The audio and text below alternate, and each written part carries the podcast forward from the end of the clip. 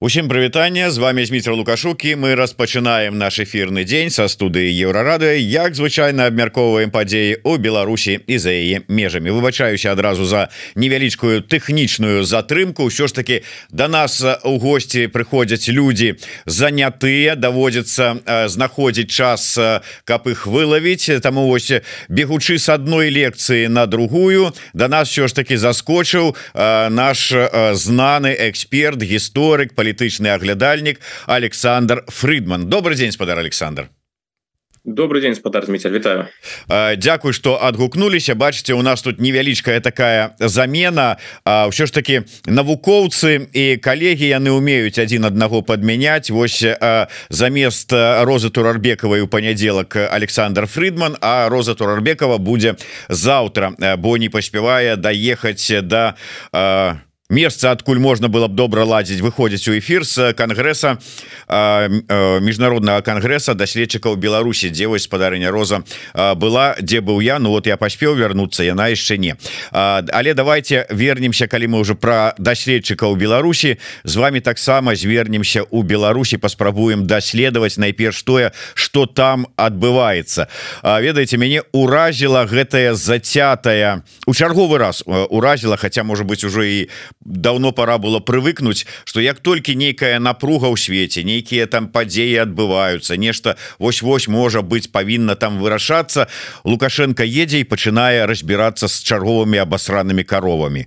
Вот а, вас гэта не здзіўляе чаму вот у яго а, такая пазіцыя что вот калі нешта там у свеце А я вот не прычым я тут разбяруся что тут у нас на фермах там у калгасах там с пасадкай ці прыборкай бульбы адбываецца і гэтак далей. Гэта тактыка ці што гэта Я думаю что гэта тактыка сапраўды ён же нават э, апошні адна з апошніх яго прамоваў яна ж была менавіта про тое что мы тут про свінагадоўлю мы можем займацца так бы мовіць нармальнымі справамі чалавечымі справамі і вось нам пашанцавала что мы ввогуле тут можем свіннімі займацца у той час як іншыя краіны нават нашыя суседзі такая у лукашэнкі рыторыка ім не до гэтага. Яны павінны вырашаць зусім іншае пытанне там ідзе гаворка про войну войну і іншае іншае. Так что ён гэта сапраўды выкарыстоўвае так так бы мовіць унушыць насельніцтву что в Беларусі ўсё нормально ўсё спокойно про ўсё паклопаціліся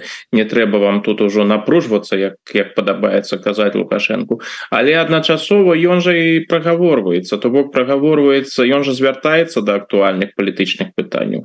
Гэта ізноў было там у выпадку Польшчы.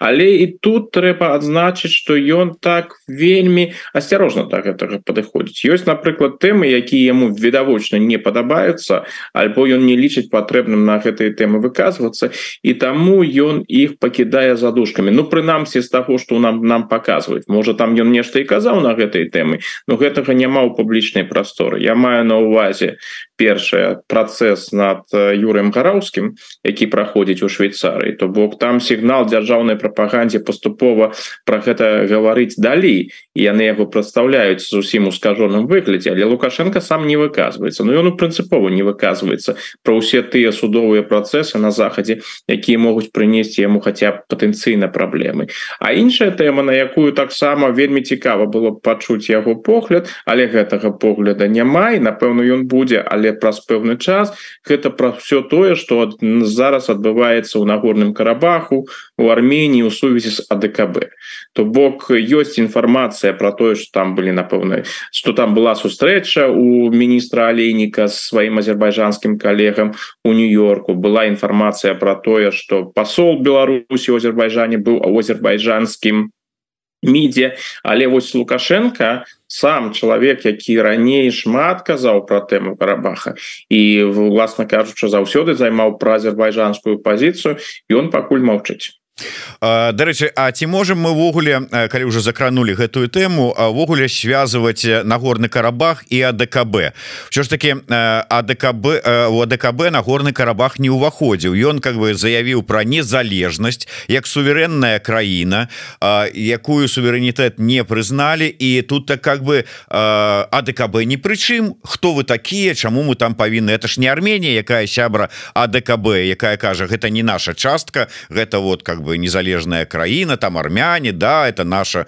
как бы інтарэс стратэгічны але все ж таки і таму ці можна звязывать Ну формально так но конечно зразумела по-першае тут трэба трэба что значит Армения сваю позицию змяніла змяніла пасля войны двадцатого году калі там яна яна поцярпела паразу поцярпела паразу у гэтай войне і яна разлічвала на дапамогу з боку России. Да я думаю что уся гэтая інтэграцыя Армении удел Армении в расійскіх інтэграцыйных проектах ну, ДКБ ён быў звязаны выключна з тым что Армения разлічвала на дапамогу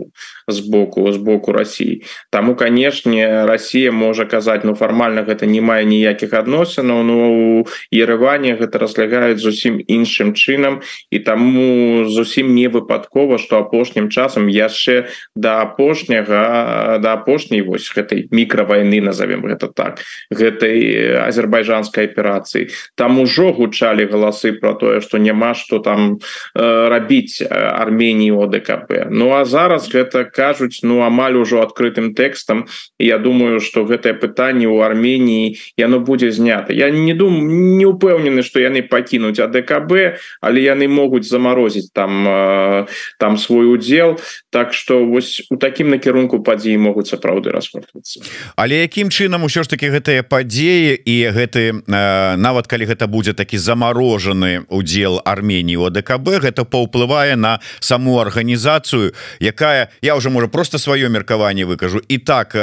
выглядае паўмёртвай Не конечно яна выглядае ўжо вельмі дрэнна і там канфлікты былі яны відавочныя было ўжо зразумела что АДКБ ну не працуе что яно реально не працуе что там вялікія проблемы ёсць.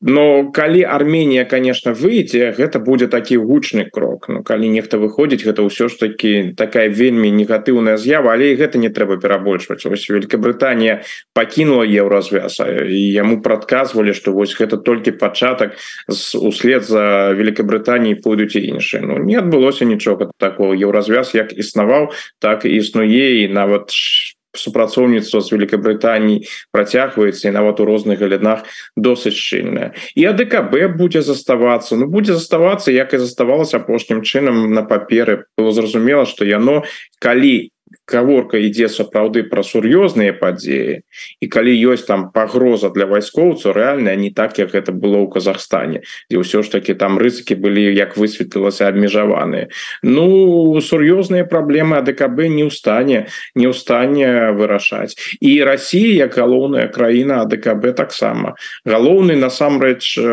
вынік усей я маю на увазе з расійскаму без расійска-беларуска погляду что з перспектывы галоўны вынікі он менавіта ў тым что Россия не была ў стане нейкім час чынам гэта прадухіліць альбо вырашыць увесь гэты канфлікт якця больш-менш мірным мірным шляхам. Так что усе расійскія інтэграцыйныя проекты яны у пэўным сэнсе подвешаныя бо Москва вельмі слабая яе працягальнасць яна не повышается яна толькі паніжаецца Дарэчы абвешчаныя перамовы су сустрэча лідараў Азербайджана і Арменії Прычым не дзе-нибудь там на нейтральнай тэрыторыі ці дзе-нибудь там можа быть у Росіі ці яшчэ дзе а в Іспаніі і таким івогуле как бы не вядзецца размовы что будзе ў якасці пасярэдніка удзельнічаць Россия нейкім чынам гэта пра што сведчыць? І вось вы кажаце лукашенко ніяк на тэму карабаха не, не выгаворваецца. Можа ён як самы вядомы ў свеце перамоўшчык зараз гэтыя перамовы рыхтуем. Зараз мы там і даведаемся як в Іспаніі там лукашенко будзе стаять і сустракаць вот так вот Аліева і по пашыняна Ну, насамрэч насамрэч калі калі нават паглядзець на пачатак 90-х э, была ж так званая мінская група по карабахская якая займалася займалася міратворчасцю у, у, у, на, на карабахскім напрамку но з гэтага як вядома нічога не выйшла і мінск ніколі сур'ёзнай ролі там не адыгрываў. І канешне адыгрываць не будзе. Калі нават уявіць сябе что лукашенко паспрабуе там сябе прапанаваць у якасці пасярэдніка як ён як ён любіць ну гранаду як вядома не запросіць. Ну калі ён там запросіць усіх у мінск так ён пачуе на свой адрес з армянскага боку пераважна вялікую колькасць розных непрыемных рэчаў у Армении яго позицию ведаюць ён выказываўся наконт карабаха у яго позиция про азербайджанская яна нават я б я нават назваў открыто про азербайджанскую его вельмі добрые адносіны з алівым Я думаю что не публічна ён аліва ўжо давно павіншаваў з тым что там адбылося альбо перадаў перадаў віншаванні то бок э, лукашенко у якасці пасярэдніка ён армянамі не разглядаецца ў прынцыпе для для армянскага боку гэта чалавек які гуляе як і гуляе на баку першая Азербайджана звязаны з Росіі Ну таму для Арменій абсалютна абсалютна не цікавы что тычыцца Еўропы то тут канешне больш цяжкасцю у Азербайджана паколькі Азербайджан дакладна ведае что настрою шэрагу краінаў Еўропы у важных еўрапейскіх краінах напрыклад таких як Германія альбо Францыя асабліва Францыя там настрой про армянскі і еўразвяз альбо Францыя у якасці пасярэдніка Ну гэта досыць непрыемны варыянт для Азербайджана. Але з іншага боку эканамічна для азербайджанцаў вельмі важнымі з'яўляюцца стасункі з еўразвязам Таму калі ідзе прапанова з боку Еўропы і Арменія на гэтую прапанову пагаджаецца Ну так чаму ж аліву не прыехаць на гэтую сустрэчу у гранаду? Что тычыцца Росіі Ну там выглядае мне падаецца ўсё досыць зразумела Россия больш Армении у якасці пасярэдніка у якасці саюзніка не разглядаецца там нас чакае пагаршэнне адносінаў Ну калі канешне улада у Армении не зменится пакуль гэта так не выглядае там хутчэй за ўсё будзе пагаршэнне адносінаў і нават можа быть паступовае выцісканне з России з гэтага каўказскага рэгіёну спадар Александр я да вас аднаго боку як да гісторыка другого як да палітычнага аглядальніка Ну можа а з трэцяга боку просто як да чалавека А ваше стаўленне ўвогуле да гэтай сітуацыі да гэтага канфлікта да той вот, ну Э, той трагедыі якая зараз адбываецца у чарговы раз с армянскім народам але на тэрыторыі нагорная карабаха. Ведаеце вот э, шчыра скажу асабіста у мяне ёсць некалькі знаёмых азербайджанцаў знаёмых. Затое у мяне досыць сяброў у Армении Армения ўсё ж таки блізкая нам і з пункту гледжання там хрысціянскай рэлігіі из якіх іншых там пунктаў гледжання і гэтак далей гэтак далей. З іншага боку вот калі мы кажам менавіта про нагорны карабах арцах як кажуць Э, мясцовыя жыхары і армяне.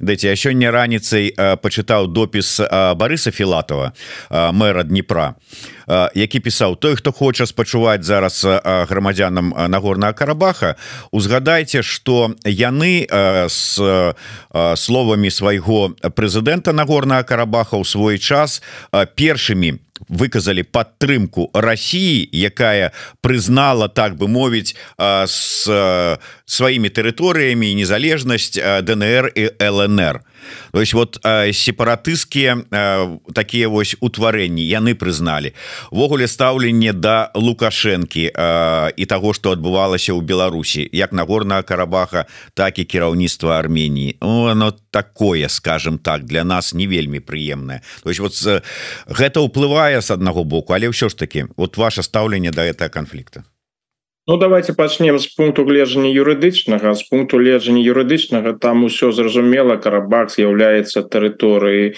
тэрыторыі Азербайджана і э, стварэнне арцаха было паводле міжнародных юрыдычных нормаў незаконным. Так што ў гэтым сэнсе тут юрыдычна Я думаю няма няма сэнсу весці нейкую нейкую дыскусію. Іншая канешне справа той лёс які чакае армянаў карабаха. Но спадзявацца про то тое что яны змогуць жыць на тэрыторыі Азербайджана у складзе азербайджанской дзяржавы пасля ўсяго того что было паміж Арменій і Азербайджанам на працягу апошніх 30 годдзяў 30 гадоў але ж тут жа гаворка не толькі ў 30 годах. Гісторыя адносінаў паміж Азербайджанам і Арменіі гісторыя адносінаў паміж Турцыі якая стаіць за Азербайджанам і Арменіі яна жахлівая тут і тое что адбывалася у 19 стагоддзе армянскія пагромы і геноцид армян у першую сусветную сусветную войну і тыя пагромы якія адбываліся напрыканцы савецкай эпохі у сумгаіце баку ну, з другого боку канешне было і выгнанне азербайджанцаў з карабаху. Гэта таксама нельга згадывать тут абодве бакі займаліся займаліся злачыннай палітыкай. Так что ўсё гэта яно застаецца яно ж нікуды не сышло. Гэта ўсё у адбывалася на вачах у людзей гэта у іх галовах засталося. Афіцыйна геноцид армянаў ён не прызнаны не ў Турцыі не прызнаны ў Азербайджане. На гэтым фоне якая можа быть там сумеснае існаванне? Думаю что ўсё скончыцца тым что армянское насельніцтва карабаха карабах пакіне. Калі там нехта застанецца дык азербайджанскі бок зробіць усё каб скараціць цягам хуткага часу армянскую прысутнасць рознымі метадамі яны не абавязкова гвалтоўныя але і гвалтоўныя таксама будуць ужывацца. Ну можна просто ў якасці прыкладаў згадаць тую палітыку якую китайцы праводзяць у тыбеце дзе тыбецкая культура поступова знішаецца і там таксама прывозяць людзей які пасяляюць з іншых частак Китая Так что у гэтым накірунку гэта можа ўсё разглядацца калі глядзець пункта гледжання чалавечага канешне для армянаў карабаха гэта трагедыя гэта трагедыя тое что яны мусяць пакінуць гэтую тэрыторыю то что яны будуць уцюкачамі куды яны накіруюцца як яны будуць жыць далей. Гэта такое пытанне адкрытае. І увесь свет фактычна на гэта заплюшчыў вочы. Ну ёсць так крытыка з э, заходняга боку. Ну Росіі напрыклад уся роўна і не цікавіць абсалютна лёс лёс гэтых армянаў. Что тычыцца Арменії Ну так пашынян заявіў что ён гатовы іх прыняць.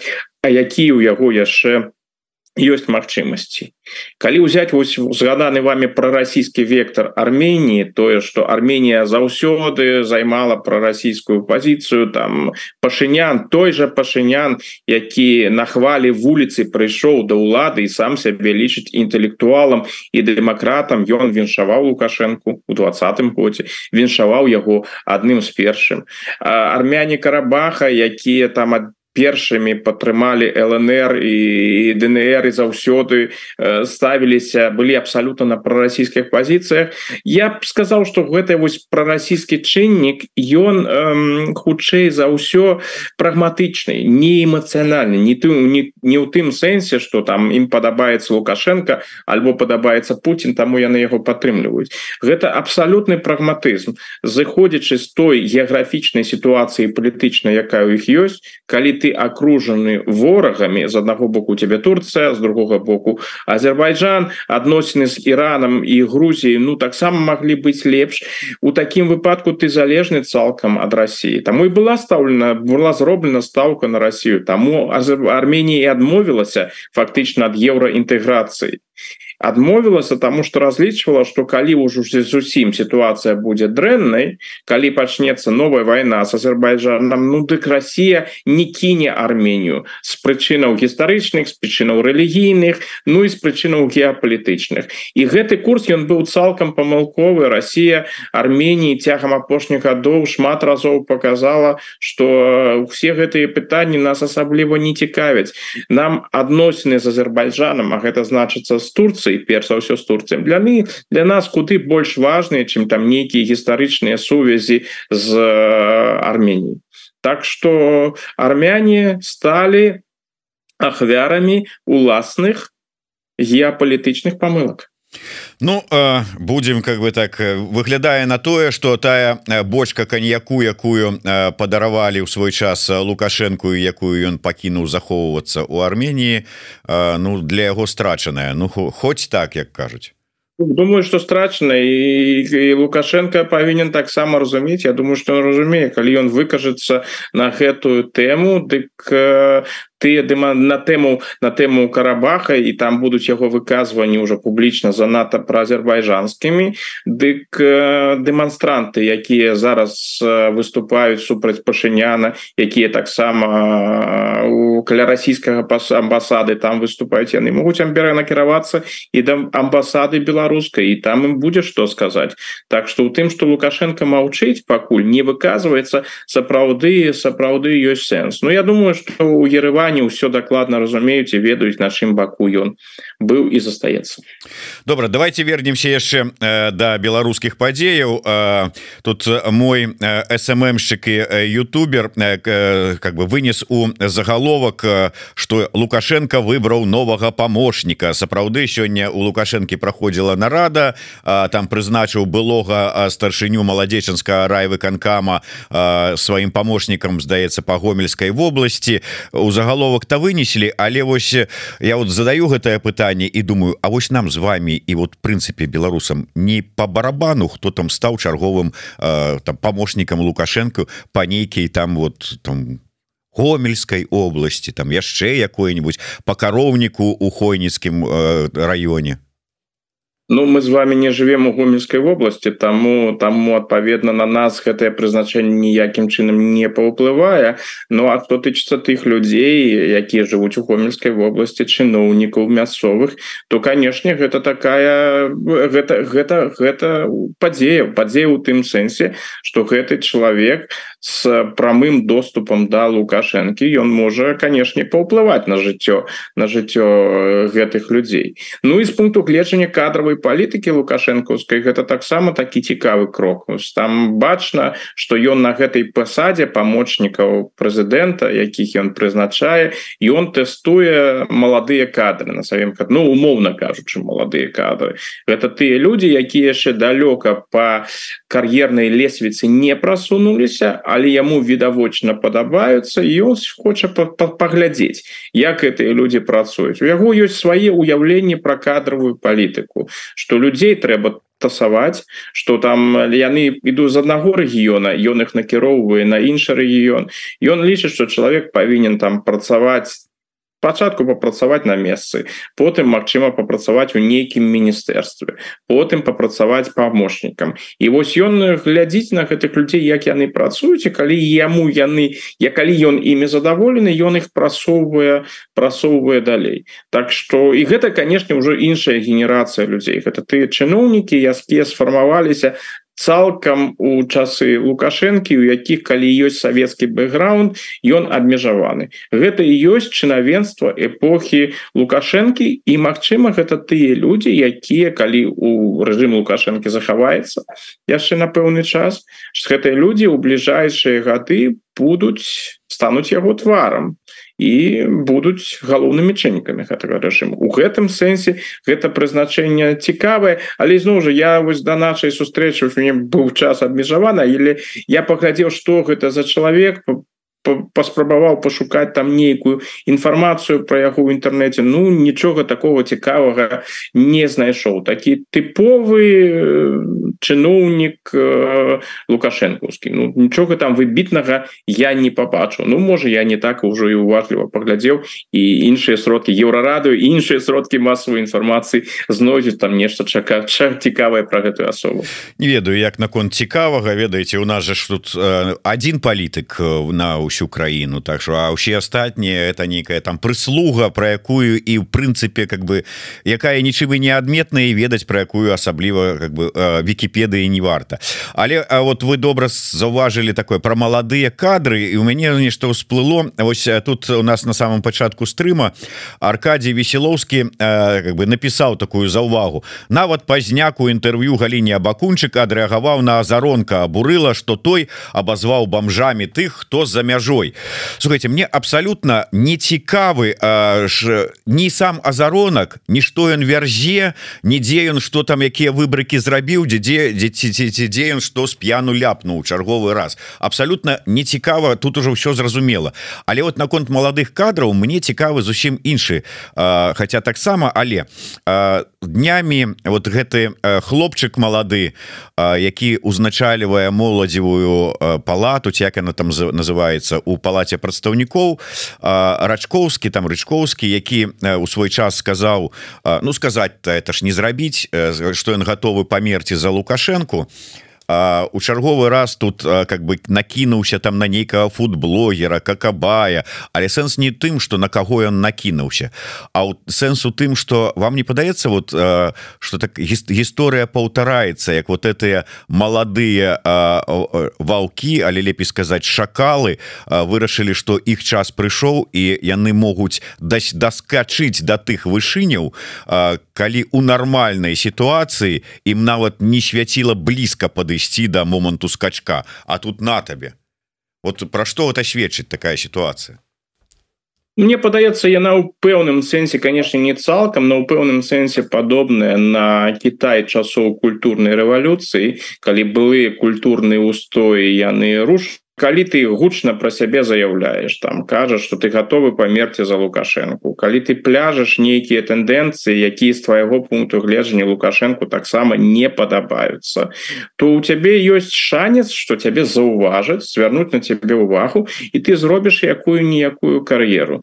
Тут ідэалогіі ну у китайцаў тут канешне быў вельмі важный ідэалагічны чыннік. Там хапала кар'ерыстаў там хапала людзей ідэалагічных сапраўды якія верылі ў гэтую ідэю у часы культурнай рэвалюцыі тут зараз з такими сапраўды тымі хто верыць не вельмі добра існуе справа Ну калі мы нават паглядзім прапаганду узгаданы азаронак Ну гэты сапраўды напэўна верыць у тое что ён ён кажа. Вось ён такі ён ён такі аўтэнтычны.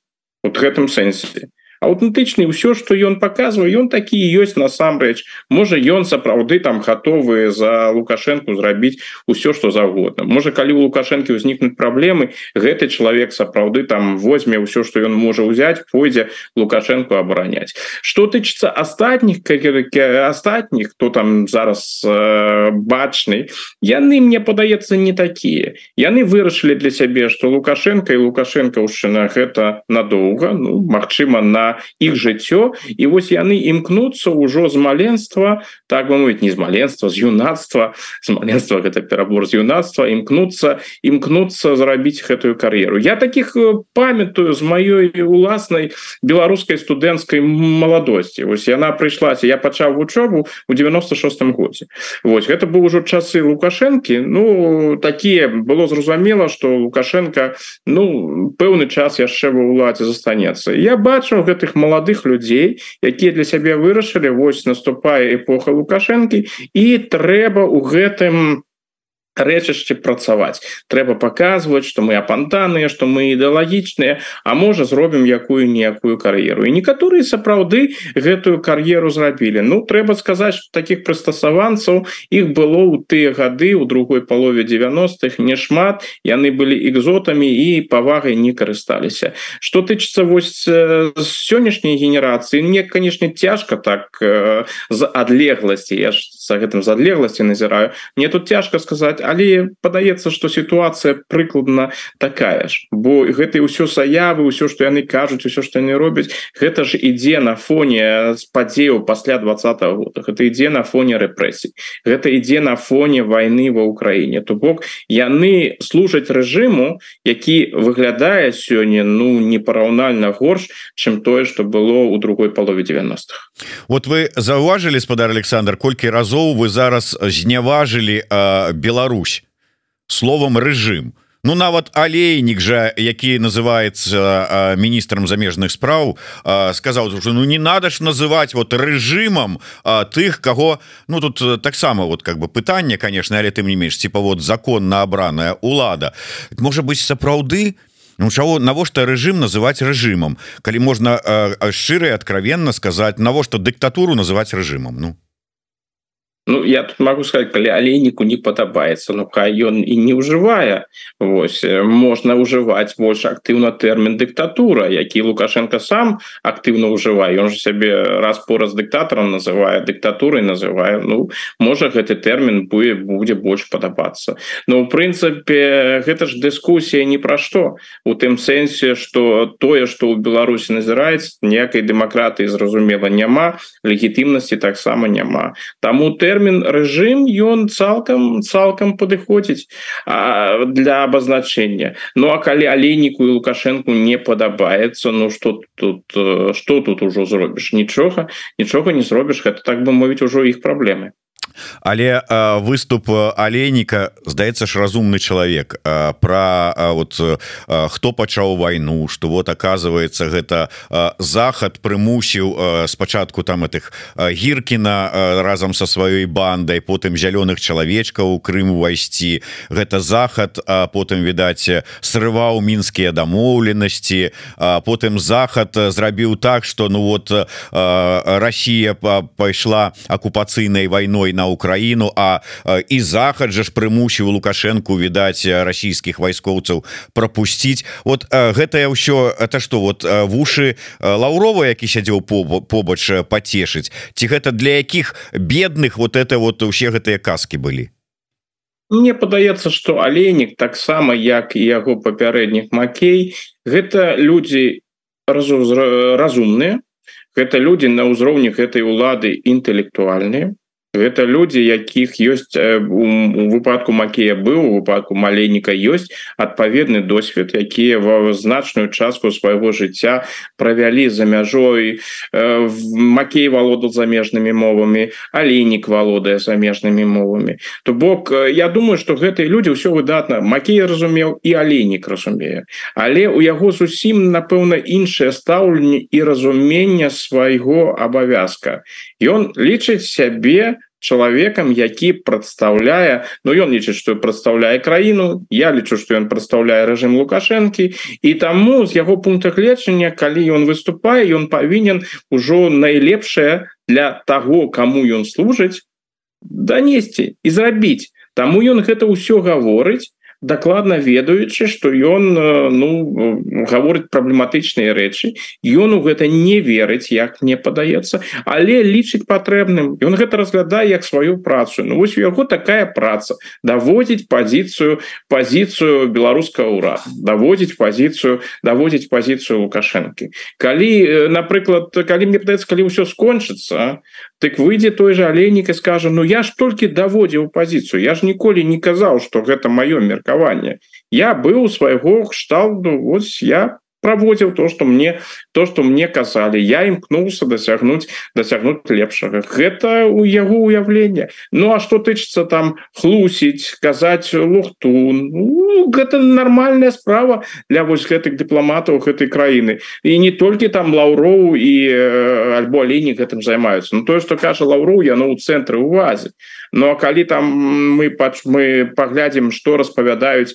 не ведаю афрыканскія розныя дыпламаты альбо азіяцкія дыпламаты Ну гэта мало адрозніваецца гэта трошки іншы накірунак але прыкладна тое ж самае праўду казаць гэта зусім не тое кажуць тое что жадаюць казаць Так что нічога тут надзвычайнага не было і я б на гэтыя прамовы не звяртаю увагі паколькі яны абсалютна прадказальны. Вось алейнік ён яшчэ не выйшаў а ўжо в прынцыпе зразумела что ён там скажа.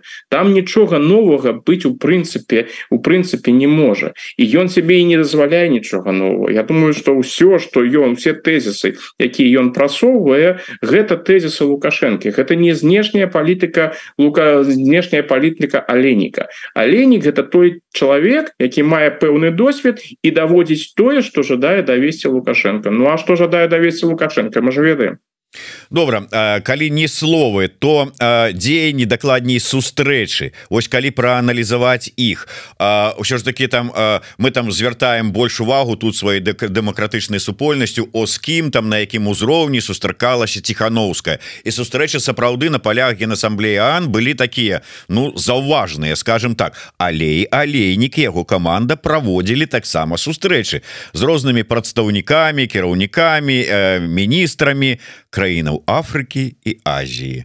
Пра што гэта сведчыць Ну аленік прагматык ён ведае что сустракацца з ім напэўна еўрапейскія калегі не будуць амерыканскія не будуць. А калі і будуць то гэта будзе не будзе рабіцца вось так вось афіцыйна каб гэта побачылі Таму ён сустракаецца з тымі хто гатовы з ім размаўляць. А у Афрыцы і у Азіі з ім гатовыя размаўляць. Там нават больш там нават ёсць пэўныя пэўны прэстыж ім размаўляць. Ну ёсць жа афрыканскія краіны на які якія мало хто звяртае увагу які імкнуцца каб звярнули на іх увагу. А вось тут с тобой готовы сустрэцца міністр замежных справаў еўрапейской краіны. Гэта ж можна вельмі добра продать Вось я калі лукашенко пачаў вось актывізаваў сваю афрыканскую палітыку я трошки паназіраў за афрыканской прэсы як там не столькі як лукашенко як яны яго показваюць больш цікава як показывается Беларусь.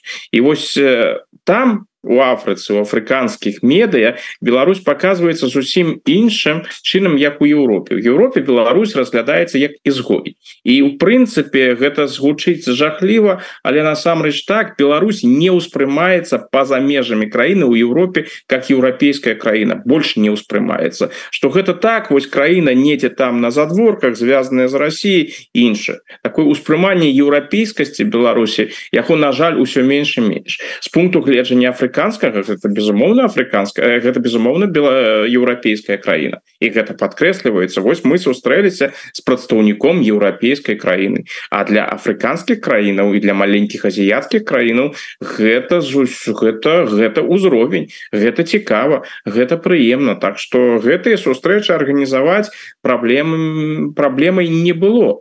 Так что з кім размаўляць алейнік знойдзе у Афрыцы знойдзе у Азіі знойдзе можа нават часткова у лацінскай Амерыкі знойдзе можна накіравацца там у Нікараву альбо на Кубу. Калі мы паглядзім усё ж таки Еўропу заходні свет ну там готовых размаўляць з ім сур'ёзна размаўляць не няма і напэўна не будзе у бліжэйшы час.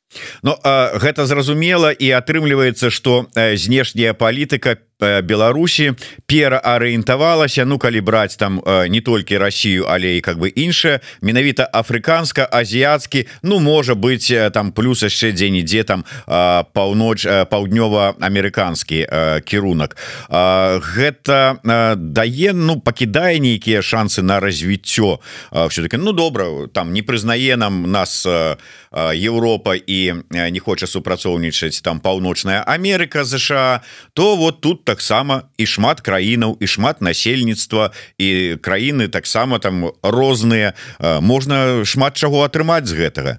Вот що ж таки правільны выбралі зрабілі крок Ну, улады улады імкнуцца гэта зрабіць. Но пакуль калі мы паглядзім там супрацоўніцтва з рознымі краінамі дзе яны сапраўды дасягнулі пэўных поспехаў у развіцці адносінаў. Ну не ведаю Зімбабвы Вось калі мы паглядзім усё ж такі уровень узровень адносінаў у Зімбабве гэта такі вельмі добры ўзровень. Зімба для Зімбабы Беларусь лічыцца аднім з галоўных партнёраў у Еўропе. Вось. Але у калі мы паглядзім уплыў там таго ж Зімбабве альбо вось новых праектаў у экватарыяльнай гвінеі на беларускую эканоміку ён сапраўды вельмі абмежаваны.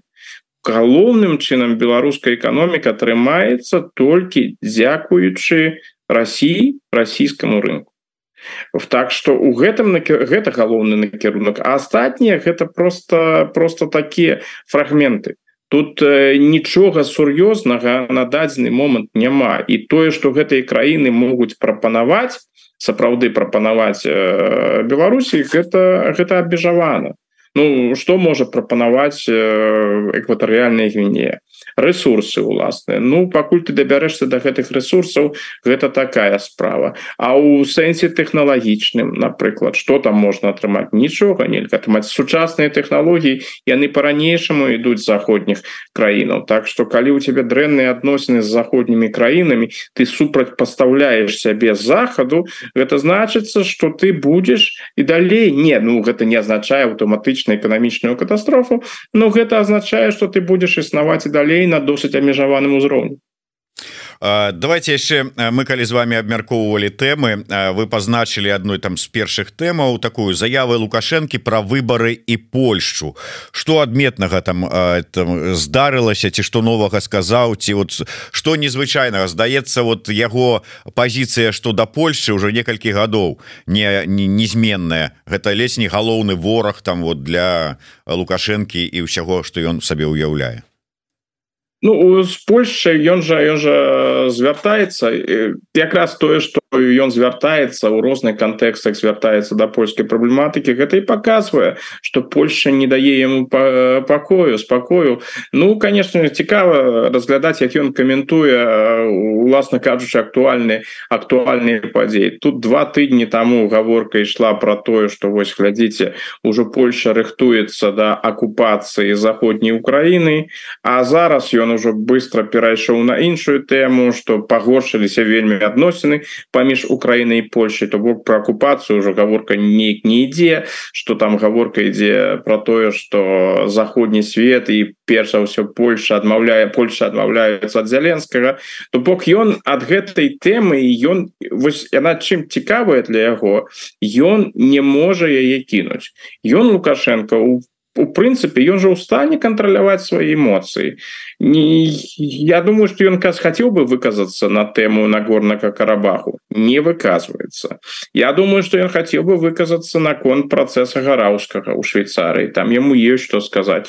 Не выказывается. Вось тэм Польши кінуць не можа ёсць такая у яго патрэба звяртацца да да да Польши і усяго звязанага с Польшай Ну а что тычыцца выбораў ну там былі цікавыя заявы як он імкнецца гэтую номенклатуру ну цікавую якім сэнсе. Яны просто показывают показваюць что гэтыя падзеі выборы двадцатого году і все что было ў двадцатым годзе яго по-ранейшаму непакоіць ужо казала ну, что прайшло три гады. Зусім іншая рэчаіснасць у Беларусі. Пратэсны рух э, знішчаны.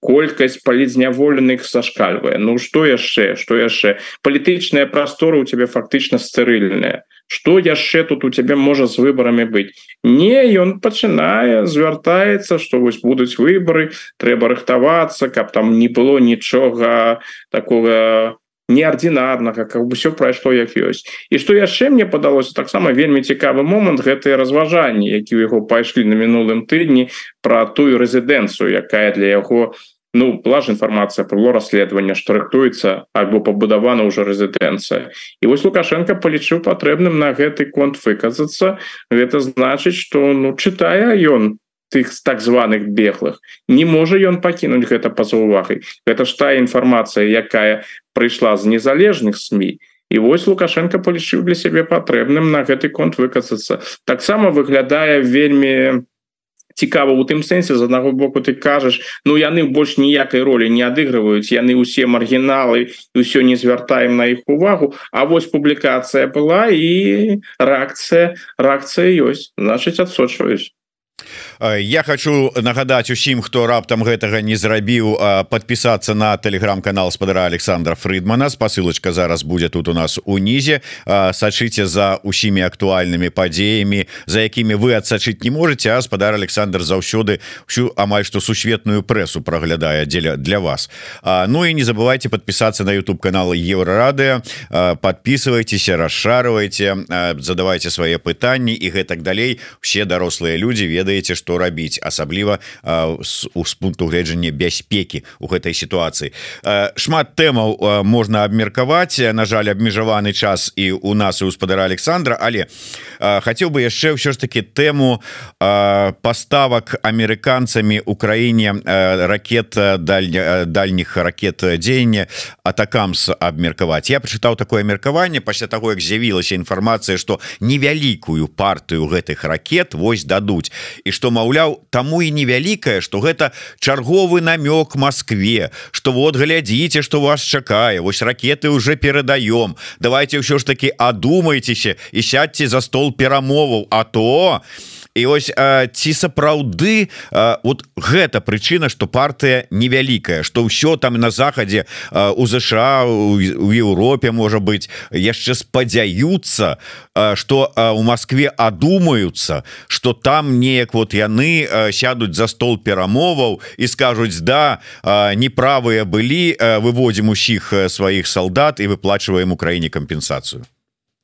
Ну ведаеце пытанне насамрэч яно такое такое складанае тому что мы інфармацыя про тое что колькасць невялікая сапраўды яна ёсць і гэта была публікацыі калі не памыляюся financial times. Але ізноў уже няма ж конкретных лічбаў лічбаў пакуль не было мы не ведаем колькі гэта невялікая 10 15 ну украінскі бок заяўляў что там павінны быць что патрэбны сотні каб змяніць каб змяніць сітуацыю Ну выглядает выглядае сам насамрэч так что амерыканскія чыноўнікі з адміністрацыі байдена гэтую інфармацыю спусцілі і гэта можна ў пэўным сэнсе разглядаць як напэўна такі месседж Москве Ну вось глядзіце мы пачынаем будзе невялікая партыя калі вы будете і далей ісці на радыкалізацыю будзе яшчэ больш.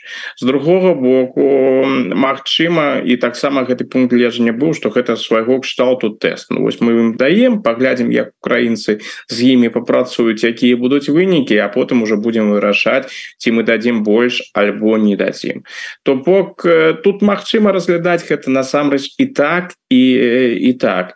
Але калі мы паглядзім на гісторыю войны дык выглядала гэта звычайна так что сапраўды спачатку даецца невялікая колькасць а потым усё больш і больш і больш. Можа гэта сапраўды просто такі інсайт які атрымала выданні тут няма нейкага месаджу вось у дадзены момант амерыканцы не жадаюць асабліва рызыкаваць хотя жадаюць паглядзець тое ж самае дарэчы як з абрамсамі. Калі не памыляюсь там их будзе 10 як першая партия першая першая партыя якую атрымае Украіна. Вось вы атрымаеце гэта паглядзім что будзе з вами. Каб такія там былі ілюзіі наконт того что Москве вось паглядзяць вось яны перадалі гэтыя ракеты Москва змяняе сваю пазіцыю. Я тут не упэўнены Путін ужо показаў ён показвае гэта амаль кожны тыдзень что ён збіраецца там ваяваць до да апошняга. І гэтыя ракеты якія амерыканцы перададуць яны Россию хутчэй за ўсё не стрымаюць яны не звярнуць на гэтую увагу то бок калі насамрэч у некага у адміністрацыі байдена яшчэ ёсць ілюзіі на гэты конт ну тут можна толькі развесці руками искать ну якія ілюзіі уже ў дадзены момант. Ну і зноў жа трэба паглядзець колькі іх будзе насамрэч і як яно будзе далей разгортвацца. Таму что тут яшчэ ёсць один вельмі важный момант у гэтай дыскусіі бо гэтыя амерыканскія ракеты яны прывязаны к нямецкім ракетам таурус у якім сэнсе прывязаны. Нямецкі бок заўсёды подкрэсліваў что мы не робім тых ша тых ша тых крокаў якія не робяць амерыканцы.